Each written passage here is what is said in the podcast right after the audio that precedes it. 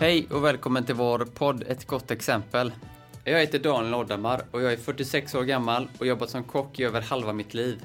Under mina sista 10 år som kock så upplevde jag att vi producerar allt mer mat, vilket också ledde till att mer mat hamnar i soptunnan.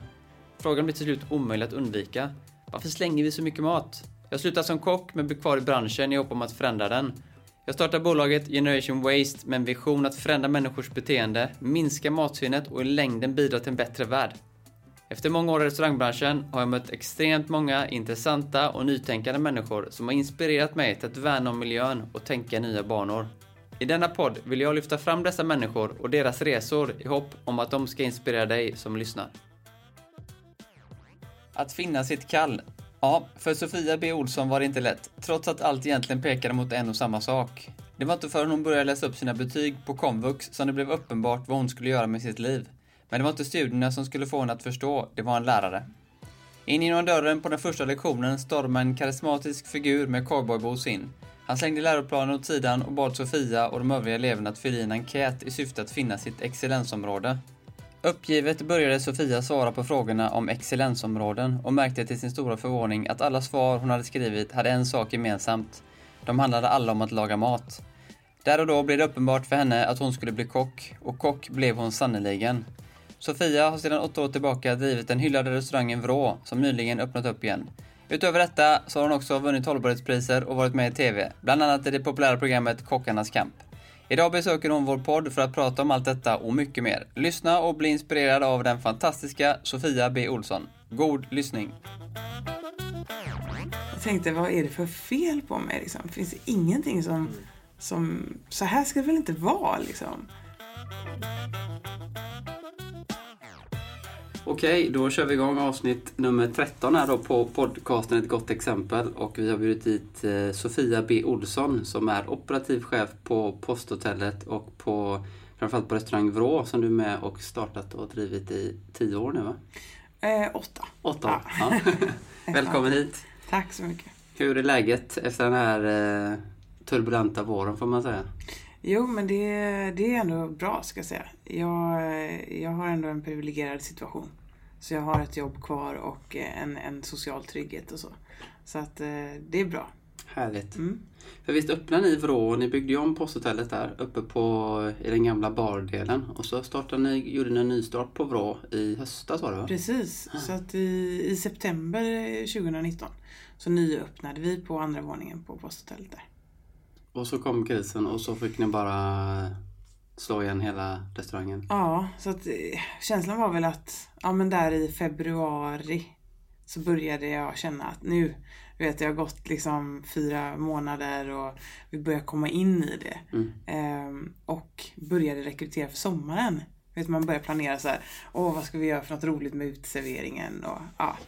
Eh, skulle rekrytera ganska mycket personal och hade skrivit kontrakt med flera och sådär. Så att det var egentligen på, ja, under loppet på, av en, två veckor egentligen. Som jag gick från att skriva kontrakt till att eh, säga upp kontrakt. Så att, eh, ja, det var...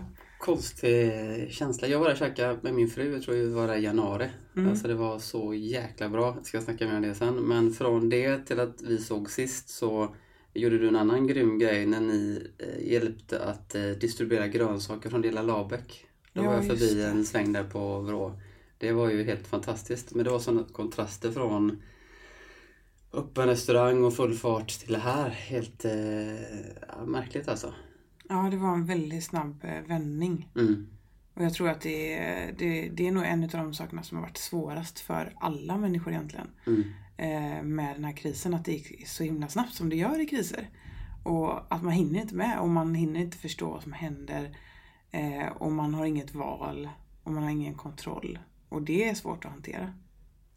Du berättade innan här, ni är alltså ungefär totalt 50 kockar på posthotellet. Hur var det liksom att, ja men som du sa här, först ska du signa nya kontrakt och sen förklara för personal att du, vi, vi, vi måste permittera er. Mm. Alltså de samtalen måste vara sjukt jobbiga att ta.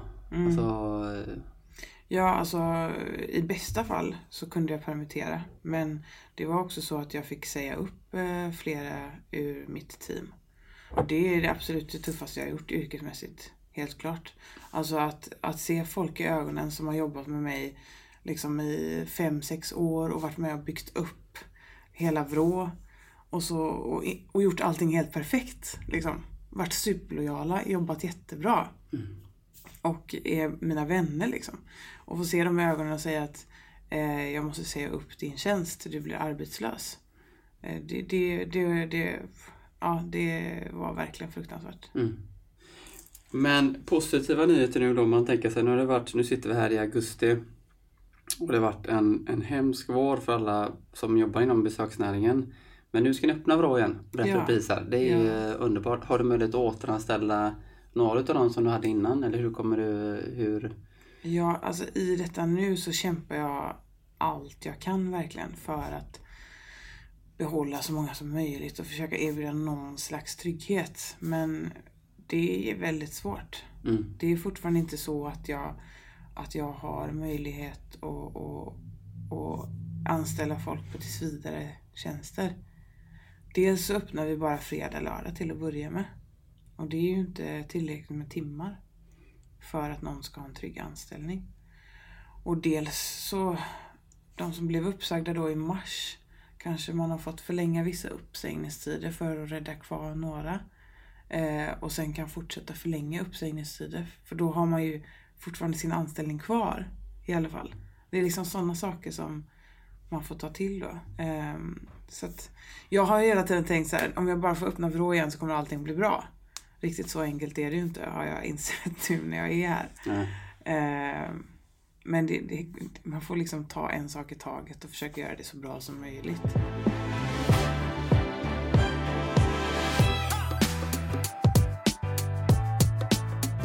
Eh, Kan du berätta om, lite om din bakgrund? Jag vet att du, eh, du har liksom ingen... Det var inte så att du direkt efter gymnasiet hoppade på en kockutbildning. Nej. Utan nu såg du ut... Du hade ett mycket trökjobb innan vet jag, innan du Ja. bestämde dig. Ja, ja, jag vet inte, jag har gått någon slags bakvänd väg in i branschen känns det. Men eh, alltså jag har alltid haft passionen för matlagning och mat. Eh, det finns liksom hemifrån och det har alltid varit en väldigt stor del utav mitt liv. Så, så att det, det har liksom inte varit något snack om det. Frågan var vad skulle jag jobba med? Eh, och eh, min mamma uppmuntrade mig att eh, läsa på universitetet. Eh, och ville verkligen liksom att jag skulle få den chansen och sådär. Så att jag försökte väl liksom tänka åt det hållet. Jag har alltid varit intresserad av typ samhällsvetenskap, historia, politik, alltså den typen av ämnen. Mm. Så att jag valde samhäll på gymnasiet. Så jag gick samhäll, samhäll. Hoppade av någonstans i mitten och flyttade till Tyskland och liksom, ja, bodde där ett år och jobbade och gjorde andra grejer. Var väldigt skoltrött helt enkelt. eh, och jag hade, jobbade hela tiden extra eh, då, från att jag gick i högstadiet på olika kaféer och eh, restauranger och sånt där. Så jag hade ju liksom en fot in i branschen väldigt tidigt och, och trivdes bra med det. Men det var inte så att jag tänkte att det är det här jag ska satsa på, det är det här jag ska jobba med. Eh, ja, så flyttade jag hem från Tyskland, eh, gick klart gymnasiet med nöd och näppe.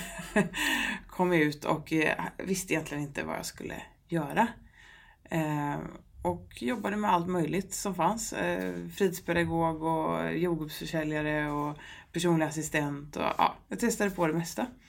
Eh, och hade väl fortfarande en ambition då att jag skulle läsa ja, men kanske statsvetenskap eller någonting sånt eh, ordentligt på universitetet. Då. Men det jag kände var väl att eh, allting var väldigt tråkigt och att jag inte var direkt bra på någonting.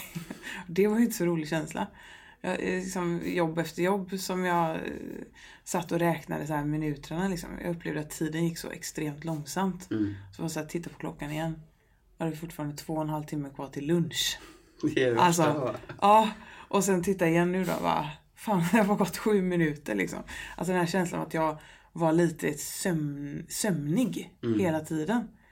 Jag tänkte, vad är det för fel på mig liksom? Finns det ingenting som, som så här ska det väl inte vara liksom? Eh, det var en lite jobbig känsla. Att eh, så här kan jag inte fortsätta. Jobba hela livet och kolla på klockan. Ja, det, precis. Dö? Ja, och jag kände inte att jag heller hade så mycket att komma med eftersom jag var ganska trött. Liksom. Alltså. Um, men sen så, eh, så hade jag väl något... Jag hade en sån där viktig skiljelinje när jag var 20. Uh, eh, och jag skulle, hade egentligen planerat att åka utomlands under en längre period. Hade sagt upp mig från mitt dåvarande jobb som var typ dator kopiatoransvarig på stadsbiblioteket, vilket jag verkligen sög på. Jag var så dålig på att göra dubbelsidiga kopior och sådana här grejer. Men då skulle jag ut och resa så jag hade liksom eh, sagt upp mig därifrån. Och så träffade jag min nuvarande man. Eh, så att det blev en lite kortare resa istället. Och helt oplanerat var jag då arbetslös för första gången. Så när jag kom tillbaks till Göteborg så tänkte jag för första gången att nu ska jag skaffa ett jobb med, med någonting som jag är intresserad av. Och då, då var det två saker som jag tyckte var kul. Det var matlagning och musik. Och alla andra 20-åringar på den tiden sökte också jobb på, på Bengans och Skivhugget och de här. Liksom. Så det var ju helt kört. Men då fick jag jobb på Musikens hus i Majorna på Café Hängmattan där. För jag hade ju ändå lite erfarenhet och hade jobbat på en del kaféer och restauranger och så. Eh, och där var det också vegetarisk mat. Och jag var vegetarian och vegan sådär sedan många år. Så att eh, då fick jag in en fot där. Eh, och det var supertufft i början men jag fick också en känsla av att det för första gången att jag levde när jag jobbade liksom. Mm. Att det var hela tiden, jag behöver inte kolla på klockan mer än att det var Alltså det var alltid, klockan gick för fort. Ja, det var alltid åt andra hållet. Att det var så här, shit, jag kommer inte hinna liksom. Att man jagade klockan mm. istället för att klockan, ja, istället för tvärtom som jag känt, känt innan då. Mm. Så att det var en fantastisk eh, upplevelse att shit, det här är verkligen någonting.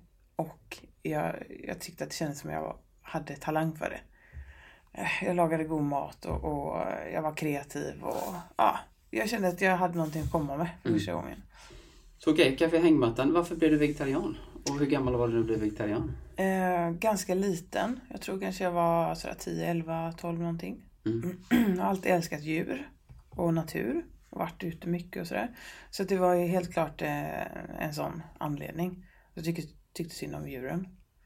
Um, så det, det, det, har ju varit en väldigt stor del av min personlighet och min bakgrund.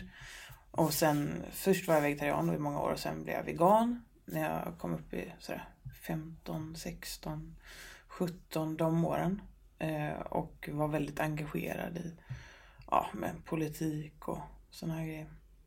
Jag brände inte ner några minkfarmar men jag var väldigt eh, engagerad och, och brann för liksom, djurrättsfrågan då. Det kan inte vara så vanligt då tänker jag, vegetarian. Nej, då var man ju den här jobbiga jäveln som alla liksom var på hela mm. tiden. Du vet, och, är det inte skinndetalj på dina skor där? Och, du vet. Mm. Dina föräldrar och så då, hur ställde sig de till det? Nej, min, min mamma var... Eh, ja, hon tyckte väl att du får laga din egen mat mm. lite mer. Eftersom du inte vill äta den här auberginesillen som jag nu har ansträngt mig och gjort. Och, alltså, mm. Det var lite mer sådär att okej, okay, du får laga lite mer mat. Vilket jag tyckte var jättekul. Så jag experimenterade väldigt mycket hemma och så. Eh, tidigt liksom. Efter skolan kom jag hem och så lagade olika rätter och sånt. Och allt var ju inte gött men det var väldigt roligt. Testa lite. Ja. Eh, men sen då var man verkligen minoritet. Jag tror vi var typ tre stycken på min, mitt gymnasium då. Mm. Och då fick man ju typ broccoli till mat i skolan. Mm. Alltså om man var vegan. Så, så att, eh, jag vet att jag typ ringde någon tidning och så protesterade och varför etiska skäl liksom mm. eh, inte smäller lika högt som religiösa och så när det gäller mat. Nu är det ju, en, alltså, nu är det ju folkligt men eh, det var det inte då. Och sen då under gymnasiet då hade vi också en, finns, fanns en förening som hette Food Not Bombs som var ganska jag vet inte var, vartifrån det kom, om det var i USA eller sådär. Men tanken var att man hämtade upp mat från affärer och sånt som de skulle slänga. Eh, det som nu kallas för matsvinn. Mm. Men det fanns ju inte som begrepp då. Utan det var ju så här, shit, de slänger hur mycket som helst. Eh, här finns det resurser. Och så lagade man mat på det och sen så skänkte man det till de som behövde. Och det, det höll jag på med i ett eller två år tror jag. Eh, där på gymnasiet då, 15-16 någonstans. Shit, det här är verkligen det. Då, det var innan det blev trendigt nästan med mm. matsvinn. Och ja, ja, det fanns inte som begrepp överhuvudtaget. Folk Nej. tyckte vi var helt dumma i huvudet. Och då ska ni liksom äta, ska de här stackars hemlösa få äta men det var ju det som var så himla sjukt att när man kom till de här affärerna, vi hade ju en runda då, man ringde olika butiker och sådär.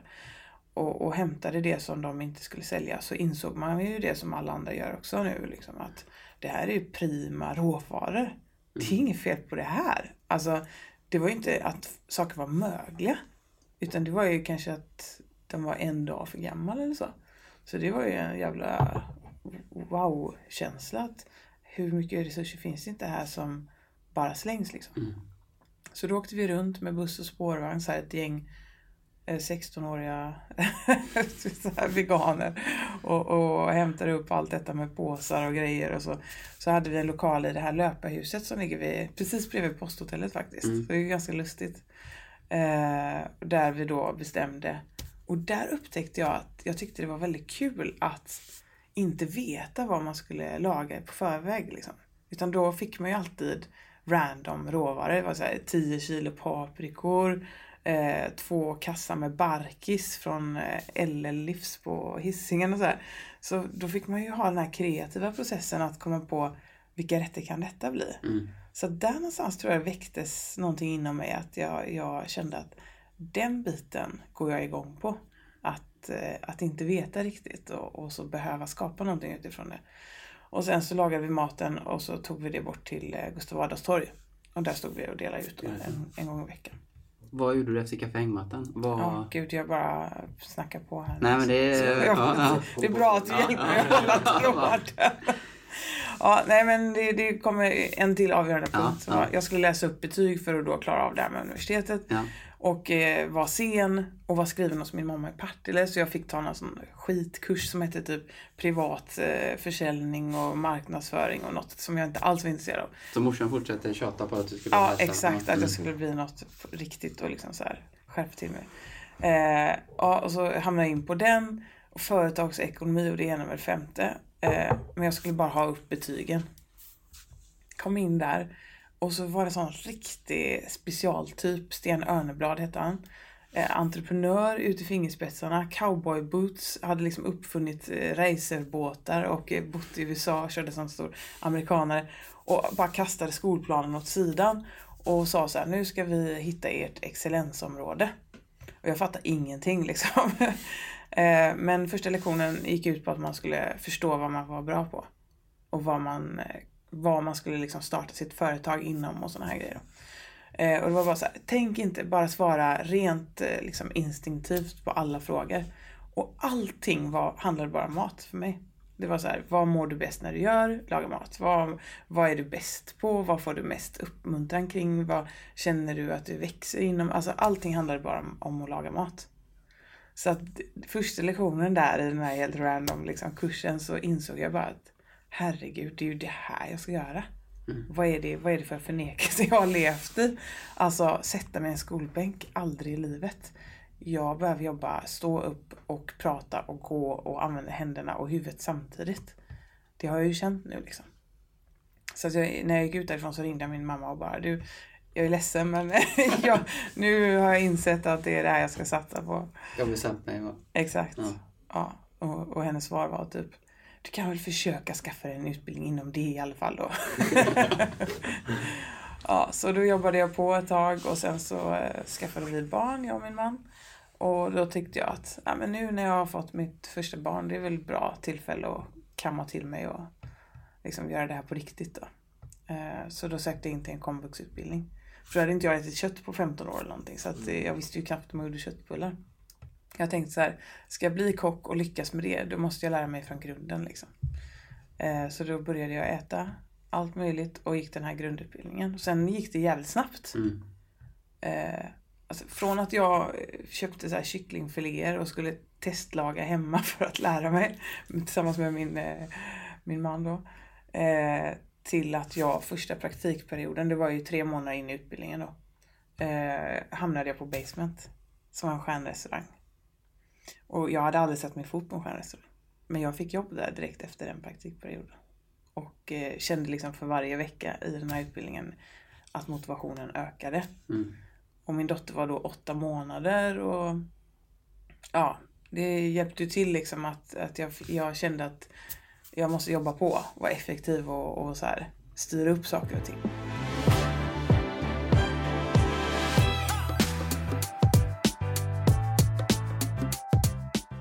Du, Basement då, en stjärna eh, med Ulf Wagner och eh, Gustav Trädgård. Ja, Eh, det måste ha varit otroligt spännande. det var det verkligen. Tim Lake var det också då va? Jajamän, han var storköptare. Ja. Och Rickard... ehm, Ja, han hade slutat. Okej, ja. Mm. Ja, det var fantastiskt. ja. Eh, framförallt tyckte jag att det var magiskt det här hur, eh, hur Gustav liksom, hur seriös han var med det han gjorde. Och hur mycket passion han hade. Det imponerade väldigt mycket på mig. Och inspirerade. Mm. Liksom. Så kände jag så här, så här vill jag också jobba med mat. Liksom, att det syntes verkligen att han älskade det som han gjorde och när han, varje tallrik han la, liksom, den omsorgen och passionen och så här. Det, det, det imponerade väldigt mycket på mig. Men hur länge, mm, om vi går tillbaka till Basement där, då, då fick du en, en tjänst efter den ettåriga utbildningen. Mm. Och, eh, men hur löser man det? För jag vet när jag jobbade på mycket kvällar och jag fick mitt första barn. Så hur löser man det här med småbarn? Och jag tyckte det var väldigt bra när min första eh, grabb var liten för då kunde jag vara hemma på förmiddagarna. Mm. Men sen det här med att kombinera det, det är rätt svårt alltså. Mm. Vet alla som får barn att hur man kombinerar kroglivet med, med barn? Hur, för, hur löste du det? Ja, eh, alltså det ska jag vara ödmjuk och säga att vi fick mycket hjälp de här småbarnsåren. Eh, utav min mamma och Daniels mamma och så här, syskon och annat. Och det, det är nästan en förutsättning. Att man ska få kanske någon som hämtar eller lämnar ibland. Och de här skarvarna emellan liksom, när man jobbar olika tider och sådär. Så det, det fick vi jättemycket hjälp. Eh, men sen så... Jag har för mig att det var så att när Gustav väl erbjöd mig en tjänst så, så hade de 75 procent att erbjuda. Och eh, det passade mig alldeles utmärkt. Så jag jobbade ju ganska länge, tre kvällar i veckan. Ja, just det. Tio timmar per kväll. Vilket var helt fantastiskt. För att man får ju vara, vara, jobba deltid tills barnen är åtta år enligt lag. Ja, just det. Så att jag kunde ju ta ut någon föräldradag i veckan och ändå jobba stjärnkrog liksom. Mm. Och vara hemma mycket. Så att det, alltså det är nog min, vad, vad jag vill uppmana eh, folk också. Så att det finns ofta ganska mycket lösningar. Alltså man behöver inte tänka att antingen så jobbar jag fem kvällar i veckan eller så jobbar jag i en bamba. Det är liksom inte där emellan man behöver välja. Nej. Utan det finns många så mellanvägar. Man kan hitta lösningar som funkar med både det ena och det andra. Vi sågs, eh, vi var ute på garveriet, hade en sån heldag, det var något år sedan nu tror jag. Ja, Så var jag så inne på, man pratar hållbarhet, det var ju mat, fokus på mat. Så vet jag att du pratar väldigt mycket om det här med hållbart ledarskap. Och det är lite det du kommer in på där, för det är liksom det som är, det är ju lika viktigt på något sätt. Eh, att man håller ihop gruppen och får folk att inte jobba ihjäl sig. mm, För det är ju det som stämplar restaurangbranschen, att här får man jobba ihjäl sig och sen skickar vi ut dem in med nytt. mm. Eh, Men hur ser du på det? För tror du liksom att det kommer att fyllas på? För ibland blir jag så här, för några år sedan var det kockbrist, eller för ett år sedan var det kockbrist. Nu finns det inga kockjobb alls nästan. Det finns men det, det är tufft. Jag tror att det här kan bli en tankeställare för branschen, att man, att man börjar tänka om. Ja, det tror jag. Jag hoppas verkligen det. Men det känns som att man går åt lite olika håll. Alltså, men det finns en stark yngre generation upplever jag. Av kökschefer som ändå står för någonting nytt. Och något som är bättre. Eh, och som är mer hållbart. Och som också går mer hand i hand med de kockarna som kommer ut i branschen. Som efterfrågar något annat. För det är många som har jobbat hos mig till exempel som både killar och tjejer som vittnar om hur de har haft det på andra arbetsplatser och liksom sådär. Det, det är ju inte bara unga tjejer som inte vill jobba i sexistiska kök till exempel. Det är inte bara homosexuella som inte vill jobba i en homofob miljö liksom. Utan det, det gäller ju de flesta unga. Vilket känns väldigt hoppfullt. Mm.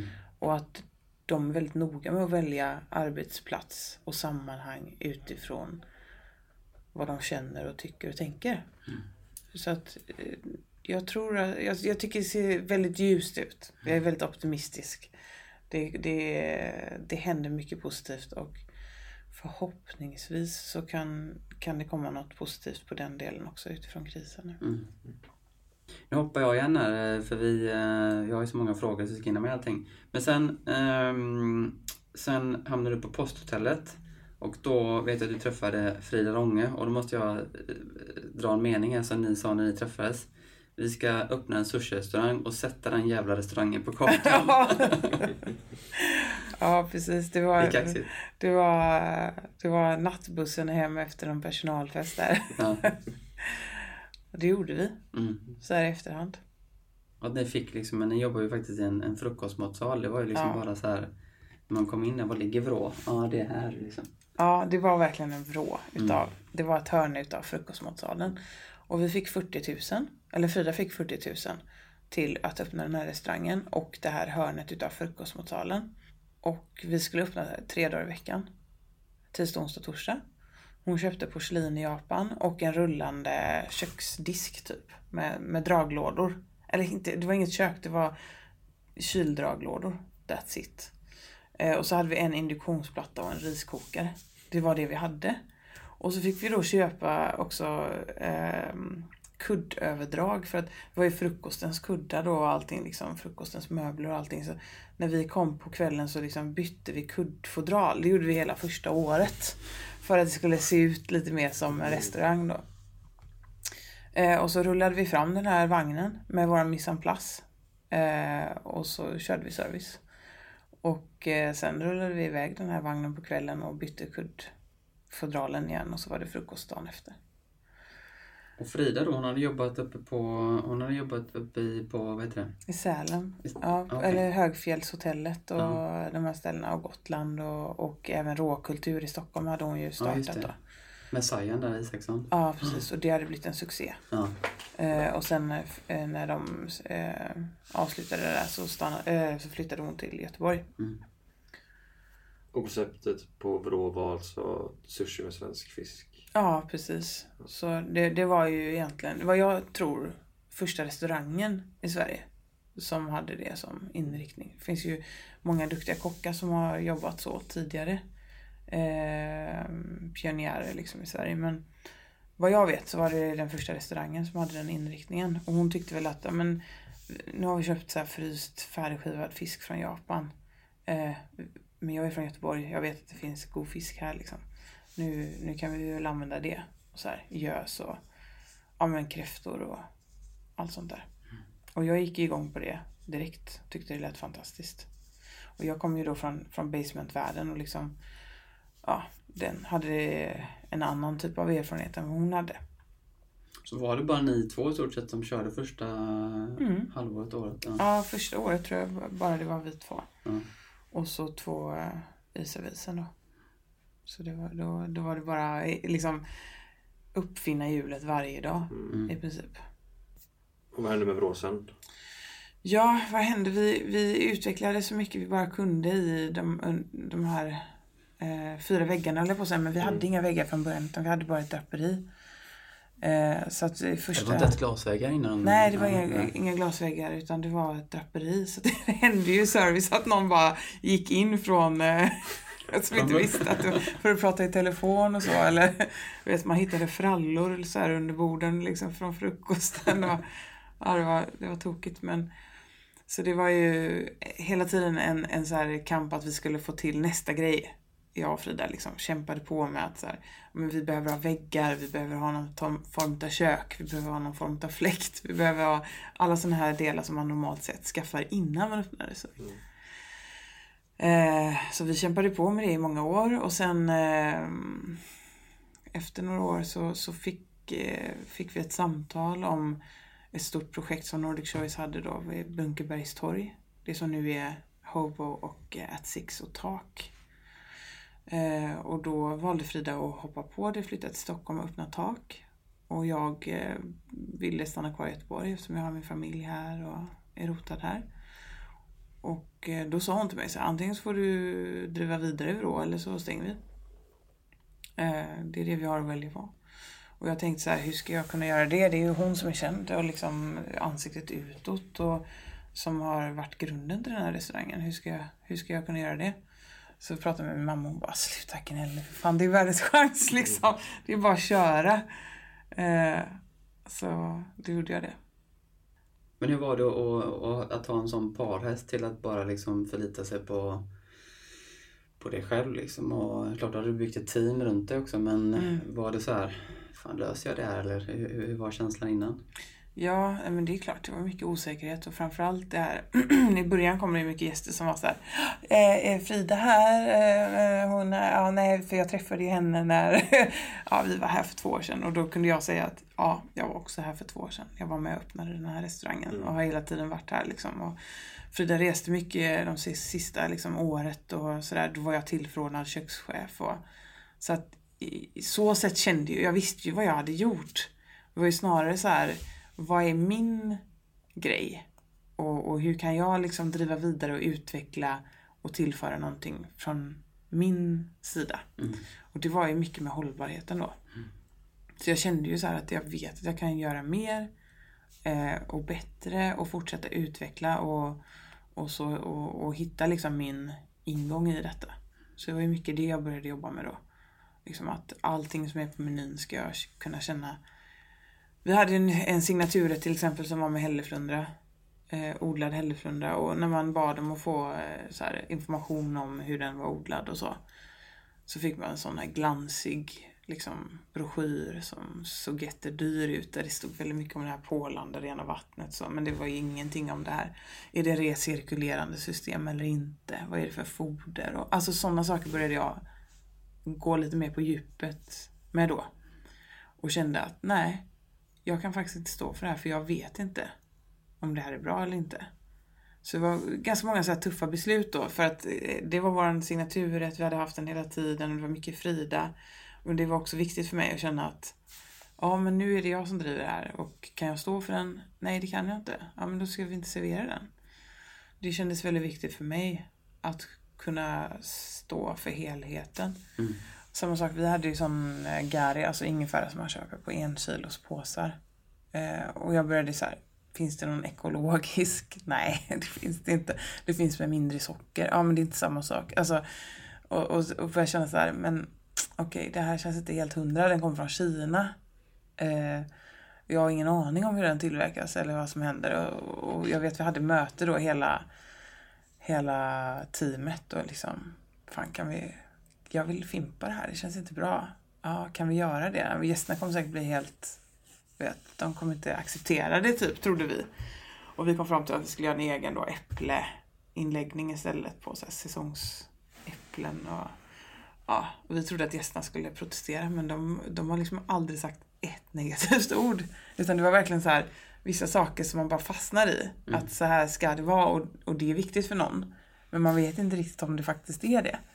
Så det, det tycker jag har tagit med mig att mycket så förändringar som, som gästerna verkligen har varit superpositiva till så länge man motiverar varför man väljer som man gör. Så det har varit väldigt roligt, rolig process. Jag tänker ibland när jag äter sushi ute på sådana här sushi-ställen så får man ju på något sätt den här garen är så stark och så doppar man fisken i massa soja och wasabi. Mm. Och smakar allting bara soja och wasabi. Mm. Men när jag var och käkade på Vrå så var det så här eh, Alltså den rätten med, eh, med den här sashimi på pilgrimsmussla. Med Ljus- päron och med vit päron soja. och vit soja. Ja. Det var en sån jävla håll käften-rätt alltså. Eh, Ja. Det var så jäkla gott. Eh, Jag sa till min fru, jag menar jag har käkat på många bra restauranger men det var så råvarorna var så här, men det här, jag fick smaka på en otroligt bra pilgrimsmussla. Kvaliteten i den liksom kom ju Ja. fram på ett helt annat sätt. Så, eh, Kul att ja, det det, ja, känns- det var... Och även ska jag säga med... Nu sätter jag på den ombyggda delen.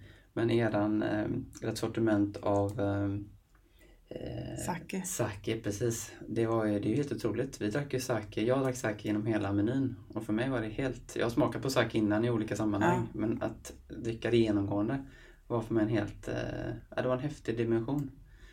Ehm, Gud vad roligt att höra. Det är ju det här som, det är det här som är anledningen till Mm. att jag älskar det här yrket. Alltså det, det här cirkeln av, alltså jag, jag känner någonting, en, en inspiration eh, att göra något utifrån päron, pilgrimsmussla.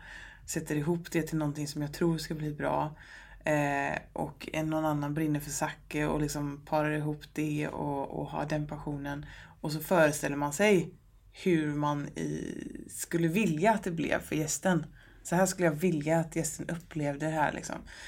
Eh, och, så, och så gör man det och så upplever gästen det så och sen berättar det för en. Alltså den, det är någonting magiskt som sker i det tycker jag. Att man ger någonting och någon tar emot det och ger tillbaka.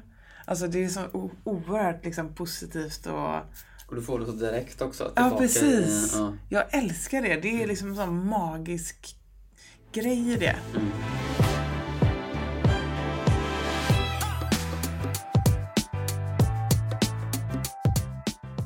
du, och sen då, alltså utöver detta som eh, du har drivit Vrå nu massa år och sen så fick du det här fina priset som Årets hållbara innovatör 2018.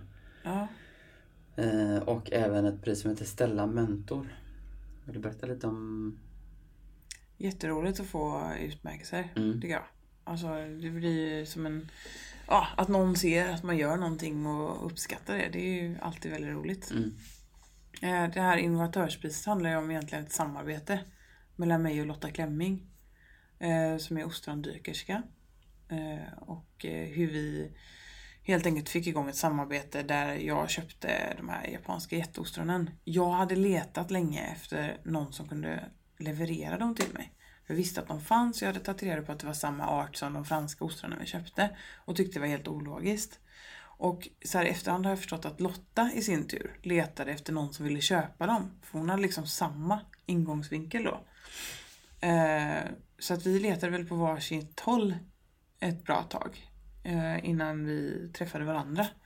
Och eh, då kom, insåg liksom att vi båda såg en potential i de här ostronen. Eh, och sen så jobbade vi hårt för att ge dem uppmärksamhet och lyfta det här. Och jag var ganska hård i början. Så min personal tyckte jag var asjobbig. För jag bara, nu ska vi börja använda de latinska namnen och alla måste kunna. Crasostrea gigas, det är det ostronet. Och Ostrea edulis, det är det andra ostronet. För att alltid när man letar efter information om ostron så var det så här Belon, Grebbestad ostron, Findeclair. Ni vet, vad betyder det liksom? Jag tyckte det var jävligt otydligt. Och jag kände så här, jag måste själv veta vad det handlar om. För jag tyckte inte jag kunde ge ett bra svar till gästerna. Och då när jag började forska så var det ju de två eh, arterna som fanns i Europa.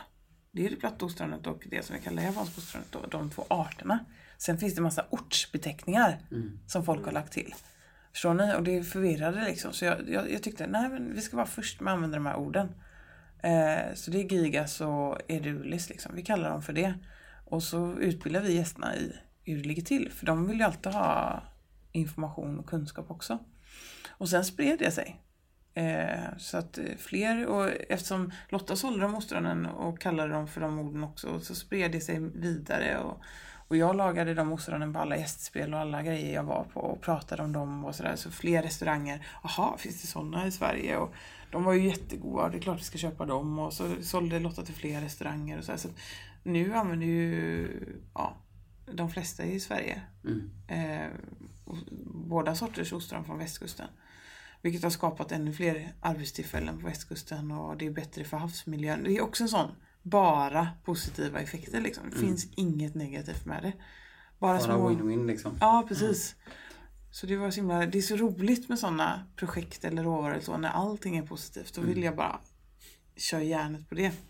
Vad är ditt bästa tips för någon som inte tycker om ostron? Att göra, att, att, att, eh, att äta det med ditt bästa Att tillaga det. Mm. Eh, som de gör jättemycket i Asien. Inte bara i Japan utan i Kina och så också. Fritera, grilla, steka, koka. Alltså, det finns otroligt mycket man kan göra. Men på något vis har vi i Sverige så här anammat, eh, jag vet inte, någon så här fransk grej. Mm. Att det, ostron ska bara ätas naturella eller med citron eller med schalottenlöksvinägrett. För mig är det en sån sak. När någon säger att man måste göra det på ett sätt så måste jag göra det på ett annat sätt. Ja. Och ostron är en sån grej. Det är en fantastisk råvara. Det är som att vi skulle säga att en potatis bara ska kokas. Liksom. Varför det? Det är klart att det finns... Kolla på resten av världen vad de gör. Det är hur mycket gött som helst som vi bara missar för att vi fastnar i spår och sen är vi så här Vadå, ska du ha någon smak på ditt ostron? Jag äter mitt naturellt för jag är så cool liksom. Alltså, jag köper inte det. Ja, exakt. Jag köper inte det. Nej. Så när jag åt ostron första gången, då så- var det så till den bara att ta sig till den och bara svälja den hel. Ja. Utan att tugga liksom. Ja. Så jag förstod hela grejen. Vad, vad är det här liksom? Nej, precis. Varför ska jag äta Ingen textur, eh, nej. Ingen. in i munnen och svälja? nej. Ja, och det precis, och det är en sån sak också. Ja. Ja, det är klart att man ska tugga på Ja. ett ostron. Varför ska man inte kunna göra det? Som allt annat. Men alltså ett friterat ostron med, det, det blir som en nugget liksom. Ostron-nugget. Det, det är ingen som inte gillar det. Alla som äter ostron som har kommit ifrån, som har ätit friterat ostron, har gillat det. Så där ska man börja tycker jag. Mm. Sen pocherat med, eller med olika goda vinägretter eller dressingar. Alltså med asiatiska smakar är ju asgott. Det gillar alla också. Typ eh, chili, ingefära, vitlök, soja, sesamolja. Bam. Mm. Det, det, det är ingen som inte gillar de smakerna liksom. Ja, gött. En sak som jag kan uppleva som kock att ibland så när man inte har kreativiteten, när man bara så här man får lite prestationsångest så här, liksom, lite grann att fan, nu har vi vi har fått det här priset, vi har fått bra recensioner här. Kan du känna ibland att man eller hur du gör det när du bara så här, fan jag har ingen inspiration liksom. Jag, eh, jag måste få lite energi, jag måste få något eh, vad gör du för, för, att, för att få den inspirationen igen? Vad är det Ja, som... eh, Det är ju jättemycket skogen för mig. Mm. Eller naturen överhuvudtaget. Jag är ute varje dag i skogen med min hund och så. Mm. Och jag tycker det här är, alltså det, det är absolut min största inspirationskälla. Hur, hur pretentiöst det än kan låta. Men att eh, gå vid eh, liksom havsbandet eller på klipporna eller gå i skogen. Det, det är bara pff, ja, hur mycket inspiration som helst. Mm. Så det, det, för mig handlar det väldigt mycket om att här, försöka återskapa, liksom ge naturen, låta den komma till sin rätt. Typ, naturen har redan skapat typ det bästa och vackraste och godaste och finaste som finns. Hur ska jag kunna förvalta det? Det är mer det som är liksom min ingångsvinkel. Mm. Typ jag har de här fantastiska råvarorna. Eller med, alltså det är så vackert, så här, säsongens skiftningar. Hur ska jag kunna återskapa det? Och, och liksom låta det komma till sin rätt. Det är min så här, största inspiration. Men sen ska jag också säga att till exempel den här pilgrimsmusselrätten som ändå är kanske min signaturrätt. Eh, den kom jag på när jag satt på kökskontoret i, på posthotellet som är det absolut minst inspirerande platsen i världen. Liksom. Med gamla kaffekoppar och ni vet, högar med papper. Det är kockar som sitter där inne och liksom vid datorerna. Det är ofräscht. Liksom. Där inne satt jag med världens press och skulle liksom skriva en ny meny. Som skulle vara färdig. Det var deadline och jag var sen och du vet så här. Sämsta jävla utgångsläget och var jättetrött och hade jobbat väldigt hårt väldigt länge. Och, och, och där, där kom jag på den rätten. Och så här, men jag vill göra någonting. Päron, päron är jävligt goda liksom. Och, så att, alltså, det funkar. Även eh, några av de bästa rätterna jag gjort har varit under helt sjuka eh, omständigheter så. Så att pressen är nästan bra för mig, Mm. skulle jag säga. Sporra, Alltså- sporrar det liksom. Ja, precis. Jag behöver ha den här liksom, kniven mot strupen. Att du har bara tre ingredienser och du måste skapa en jättegod rätt. Liksom. Eller du har bara en timme på dig och menyn ska vara klar. Eller så här, eh, du har inga väggar men du ska göra en restaurang. Alltså, Mm. det, det, det, det, det är då jag blir som allra mest kreativ.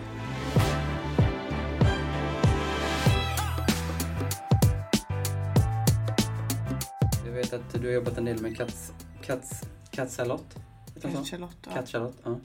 Och ehm, det här med att jobba med liksom alger och olika typer av tång och det har ju bara liksom sista åren också så här Mm. exploderat. Helt plötsligt så har vi en det känns som att det finns nästan en skog fast under havet. Verkligen. Och där är en sån råvara till som är så super, super, super positiv. Så här, lokalt odlad eller lokal vild tång. Eh, plockar upp överflödig näring ur vattnet. Vilket jag har problem med för det är hela tiden övergödning på grund av konstgödsel och allting. Mm. Så övergödning i havet. Vilket betyder att vi behöver ta bort näring från havet för att det ska må bra. Eh, algerna suger åt sig näringen och- liksom fil- filtrerar på det viset bort, inte filtrerar utan de suger åt sig helt enkelt eh, näring från havet. Plockar vi upp tången då så har vi en näringsrik råvara och vi har tagit bort överflödig näring från havet. Så att det, det är ju helt, alltså så länge man plockar det på ett väldigt skonsamt sätt som Catchelot har lärt ut till hela Sverige känns som. Eh, Liksom med, med sax och, och utan att göra några avtryck och större mängder. eh, Så är det helt fantastiskt. Samma sak att odla tång då. De odlar till och med tång i Kosterhavet som är ett naturreservat. Liksom. Mm. Just för att det är bara positiv effekt, det är ing- inget negativt. Och så en fin umami-smak tänker jag på i de här liksom i tången. Så mycket smaker som sitter Ja. som är Helt helt fantastiskt. unika. Och där, där tycker jag man ska tänka lite som med svamp. För vi är så nya med tång i Sverige. Man ska tänka som med svamp. Hade man eh, bara gått på en, den mest illaluktande svampen som var helt eh, dålig liksom. Så hade man ju inte velat äta det. Eller om man bara hade ätit alla svampar råa. Mm. Så hade det inte varit så gott. Men vi har ju lärt oss att så här, kantareller smörsteker vi. Eh, trattkantareller har mycket vätska så de torkar vi och så använder vi dem till soppa. Precis samma sak med alger. Vissa är goda att torka. Eh, vissa är goda att fritera, vissa är goda färska. Men de här som ligger och ruttnar på stranden som alla tycker luktar illa. Det är ju inte de man ska döma tången efter utan det finns ju en helt, ett helt register där. Det var också ett led i det här att i, i, i japansk matlagning jobbar man jättemycket med tång. Okej, vad är det för tång vi köper? Här är någon sallad från eh, Kina som har färgämnen i sig och ingen människa vet vem som har gjort den. Okej, men det finns ju faktiskt tång på västkusten. Jag använde blåstång i en Årets kockrätt så här 2008, 2009 kanske. Och, och, och det, då gick jag och plockade den själv, torkade och rökte någonting med det. Och så här. Jag har alltid haft intresset liksom av att se, använda det som finns runt omkring mig. Mm. Eh, Men sen så var det första gången jag hörde någon som plockade till eh, kockar var i Catchelot när de hjälpte Tommy Myllymäki när han var med i d'Or eller sånt där. Så då hörde jag av mig på Twitter, för då hade man ju Twitter. Så då såg jag att de hade twittrat om det och hörde av mig till dem om att köpa så här. Så jag tror vi var första restaurangkunden då. Coolt. Ja, Vad tycker du om det här med att tävla med mat? För du har ju ställt upp i eh, Årets kock ja, och du har varit med i Kockarnas kamp. ja, Eh, som du, jag vet att i en annan intervju som du ehm, drog en parallell från Kockarnas kamp till Hunger Games. Känslan av att gå in i den här. eh, det känns som att det är otrolig press när man ska just tävla med andra kockar då, på, alltså, på tid och ja. vad tycker du om att tävla? Tycker du att det är... Alltså jag har jättedubbelt förhållande till att tävla. Mm. Jag spelade handboll under hela min uppväxt. Så att jag är, alltså jag gillar det här, nu kör vi liksom, köttar vi fan. Så här, att man går igång, liksom, man taggar till och så. Mm. Det gillar jag jättemycket. Och eh, Rebecka som är kökschef på Vrå, hon är gammal fotbollsspelare så hon och jag är så här, tillsammans eh, och vi träffas på kockutbildningen. Mm. Komvux. Eh, vi- har det gemensamt liksom. Vi är som två sådana liksom sport... eh, Åh, kom igen nu gubbar. Alltså jag älskar den grejen. Och så lite det får man ju när man tävlar och så. Alltså man taggar till och... Men, eh, men jag gillar ju teamwork. Alltså, jag är ju aldrig bättre själv än vad jag är i ett team. Mm. Så att egentligen så är det det bästa formen utav tävling är ju liksom att med ett team försöka att hela tiden bli bättre och, och, och prestera på topp. Det är ju liksom tävling och teamwork i sin bästa form för mig. Men sen så har jag ju den här äh, grejen lite att när jag får möjlighet att utmana mig själv i någonting som jag blir livrädd för så, så tvingar jag mig själv att göra det. För att jag gillar inte att begränsa mig själv liksom. Så att, eh, att jag liksom var med i Kockarnas kamp. Min känsla när de ringde och frågade var så här. Jag kan inte, jag är för dålig. Jag har jobbat för kort tid. Eh, jag kommer skämma ut mig och eh, det kommer bli jävligt eh, hemskt på alla sätt och vis. Så jag måste göra det. Så att, och, och när jag väl gjorde det så insåg jag ju att fan, här vinner jag tävlingar liksom. Vad är det som händer här? Och, så. Så då blir det ju något väldigt positivt av att jag känner att jag stärker mig själv. Att jag klarar saker som jag inte tror att jag klarar. Och att jag lyckas liksom erövra områden som jag känner mig väldigt osäker på.